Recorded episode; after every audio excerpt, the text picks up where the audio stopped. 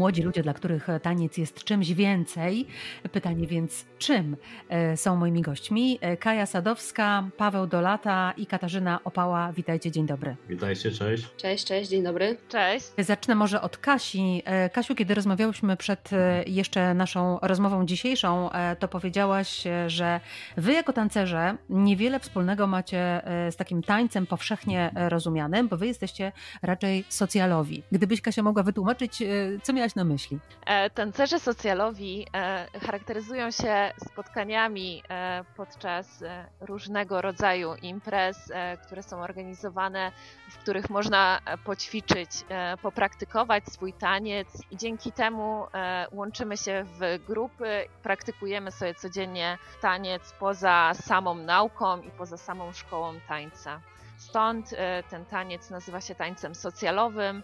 E, i dzięki temu e, możemy, możemy poznawać nowych ludzi. Jeśli dobrze rozumiem, wygląda to tak, że na przykład Paweł, który jest z nami, organizuje imprezę i mówi: Wpadacie do mnie i wy tam tańczycie. Paweł, czy tak? Może nie do końca. Korzystamy z dużej, dużej mierze też e, z klubów i z, również z możliwości, jakie dają nasze szkoły, w których uczymy. I często bywa tak, że w ramach praktisów, w ramach imprez, które e, też przy okazji jakichś większych eventów, jak e, warsztaty e, weekendowe lub festiwale, korzystamy z różnych, różnego rodzaju powierzchni dostępnych, gdzie można rzeczywiście dobrze zainstalować sprzęt lub ten sprzęt muzyczny już jest, wiele wrocławskich klubów również gości nasze regularne imprezy. Czyli wy jesteście grupą ludzi, która spotyka się pomimo szkół, w których uczy, czy też w których uczy się. Kaja? E, tak, jak najbardziej. To, co się dzieje w szkołach, to jest wstęp do tego, co możemy u siebie rozwinąć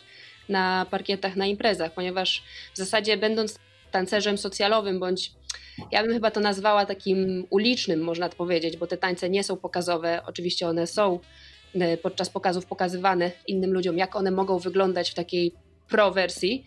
Natomiast one wszystkie wywodzą się z ulicy bądź z imprez tak zwanych domowych, podwórkowych. To, co my pokazujemy w szkole, to są elementy, które później na parkiecie każdy może poszlifować i e, sprawdzić, jak on się w nich czuje, dodając swoje własne dodatki albo jakieś elementy, stylistykę, i wtedy rozwinąć się jeszcze bardziej, ale oczywiście nie tylko w tym jednym kierunku, ale łączyć różnie, różne style ze sobą. Mówiliście o tym, na czym polega taniec socjalny. No właśnie, tyle, że wszystko, co e, społeczne, socjalne, kontaktowe, e, to dziś niebezpieczne w kontekście COVID oczywiście. Jak sobie z tym radzicie, Kaja?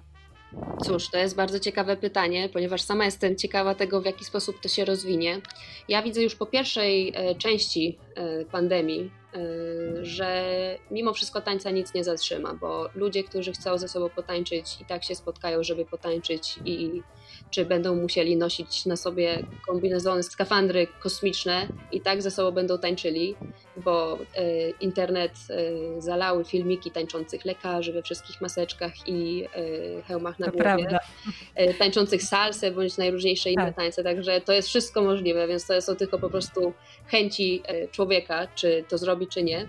E, natomiast jeżeli chodzi o samą edukację, to podczas pandemii e, bardzo wielu tancerzy e, postawiło właśnie na naukę przez internet. Ja zresztą sama prowadziłam zajęcia online, tak żeby utrzymać kontakt ze swoimi kursantami i też dawać im na miastkę ruchu, bo wiem, że bycie zamkniętym w domu to jest mało przyjemna rzecz pod kątem ilości ruchu, chociażby jesteśmy po prostu przytwierdzeni niekiedy do krzesła i brakuje nam motywacji, jak mamy zewnętrzną motywację, że się spotkamy z kimś nawet przez internet, to od razu chce nam się bardziej. I mamy tu taką namiastkę naszych zajęć e, ze szkół tańca. E, I ja widzę, że też wielu tancerzy zaczyna wprowadzać swoje programy internetowe, które są e, dostępne jako kursy, bądź są różnie, również teraz dostępne platformy, na których można się uczyć.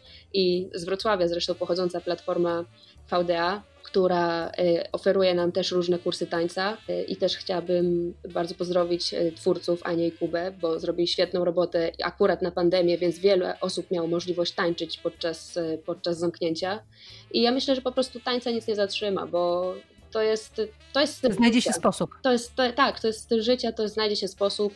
Ja przestałam tańczyć w szkole, ale dzięki temu tańczyłam więcej w domu sama ze sobą, więc miałam czas sama dla siebie Także jeżeli ktoś kocha tańczyć albo kocha muzykę i jakikolwiek ruch, bo to nie chodzi o profesjonalny taniec, tylko o to, żeby się po prostu pogibać do, do muzyczki, to myślę, że tutaj nie ma, nie ma żadnej pandemii, która by nas zatrzymała pod tym kątem. A teraz zapytam, czy wy jesteście tancerzami po szkołach, czy tancerzami samoukami, Paweł?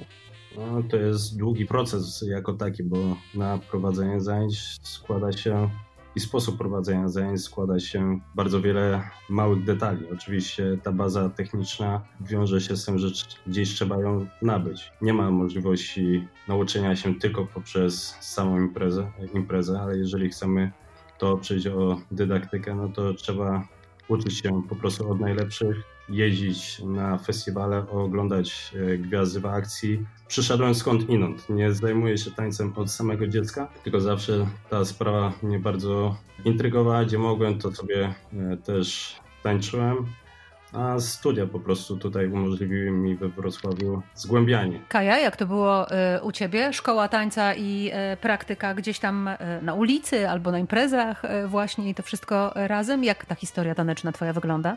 U mnie historia taneczna w zasadzie nie wiem kiedy się rozpoczęła, ponieważ ja w podstawówce trenowałam gimnastykę artystyczną i to jest w zasadzie taki zalążek mojej historii z tańcem, ale myślę, że tutaj bardziej jest muzyczna muzyczne zaplecze domowe, ponieważ w zasadzie wszystko wyszło od muzyki i ruch z muzyką łączy się.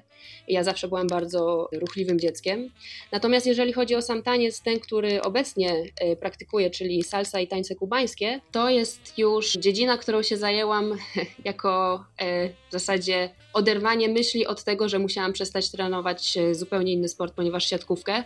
Odnalazłam się w tym bardzo dobrze, bo jednak ten taniec i ruch i muzyka cały czas ze mną gdzieś były i zaczęłam to praktykować w szkole tańca jak najbardziej. Natomiast ja największą wiedzę wyniosłam z ulicy. Gdy zaczęłam jeździć na Kubę, gdy zaczęłam e, widywać się z Kubańczykami podczas festiwali, podczas najróżniejszych imprez, e, na których bywałam i to od nich się uczyłam tego, jak ten taniec wygląda w takiej żywej, dynamicznej e, formie, a nie scenicznej, ustawionej pod kąty, pod ramy Kasiu? Można powiedzieć, że zaczęła się w młodym wieku, ponieważ e, występowałam i brałam udział w wielu spektaklach w teatrze e, w moim rodzinnym mieście i tutaj, tutaj był taniec współczesny, bardzo rządził E, moimi młodymi latami i tam miałam okazję się rozwijać. E, I tutaj podobnie jak, jak Kaja można powiedzieć, e, za, zostawiłam swój, swój taniec na rzecz siatkówki i rozwoju hmm. siatkówce. Tak, ale, ale wróciłam do korzeni po, po kilku latach i I zaś właśnie podobnie jak Paweł e, na studiach e, powróciłam do tańca i tutaj zaczęłam od salsy, przeszłam przez różne latino, no aż, aż poznałam baciatę i zakochałam się w niej i tak naprawdę przepadłam, można tak to ująć. Na koniec trochę filozofii, bo to, że ruch jest ważny, potrzebny pod absolutnie każdym względem to wiadomo, ale dla Was to też jest lekcja wielu innych kompetencji, a czasem nawet misja Kaja.